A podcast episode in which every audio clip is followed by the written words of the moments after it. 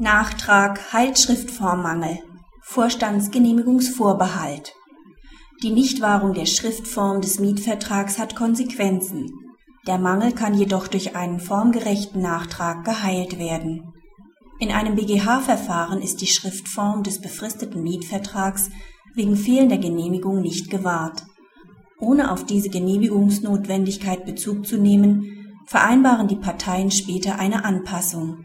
Vor Ablauf der vereinbarten Laufzeit kündigt der Mieter, so dass der Vermieter nunmehr offene Mieten begehrt.